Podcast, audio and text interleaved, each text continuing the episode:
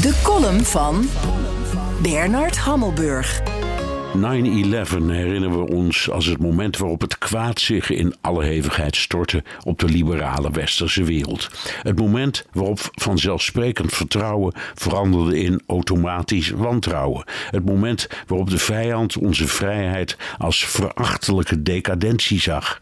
Het moment waarop een miljardenindustrie ontstond. De beveiliging die kantoren in bukkers veranderde en vliegvelden in vestingen. Het einde van de onschuld zeiden we tegen elkaar. Er is veel veranderd in die 23 jaar. Er is ook een hoop veranderd door die andere 9-11. 11 september 1973, nu 50 jaar geleden.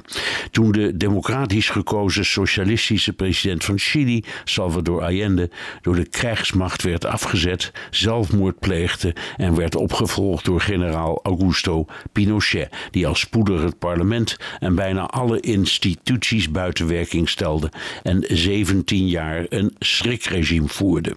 3200 mensen verdwenen of werden vermoord, net zo zoveel als op die andere 9-11. 40.000 burgers werden politieke gevangenen die meedogenloos werden gemarteld. In tegenstelling tot die andere 9-11 was Amerika geen slachtoffer, maar medeplichtig. In 1961 had president Kennedy de Alliantie voor Vooruitgang opgezet, een organisatie die de verspreiding van het socialisme door Latijns-Amerika bestreed. Chili kreeg onder Allende's voorganger Frei enorm veel steun. Anti-Allende media kregen subsidie van de CIA.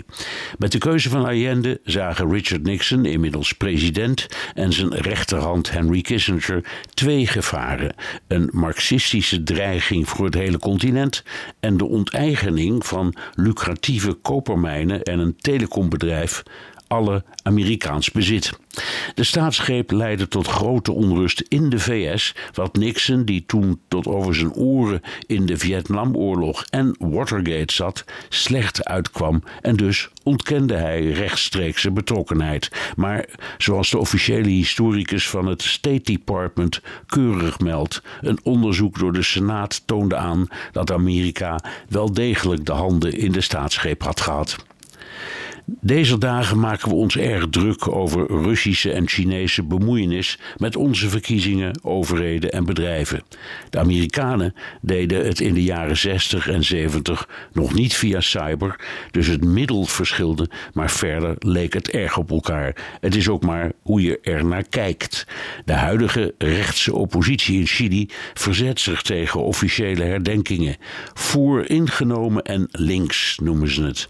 Pinochet overleed in 2006 op 91-jarige leeftijd. Hij heeft nooit voor de rechter gestaan.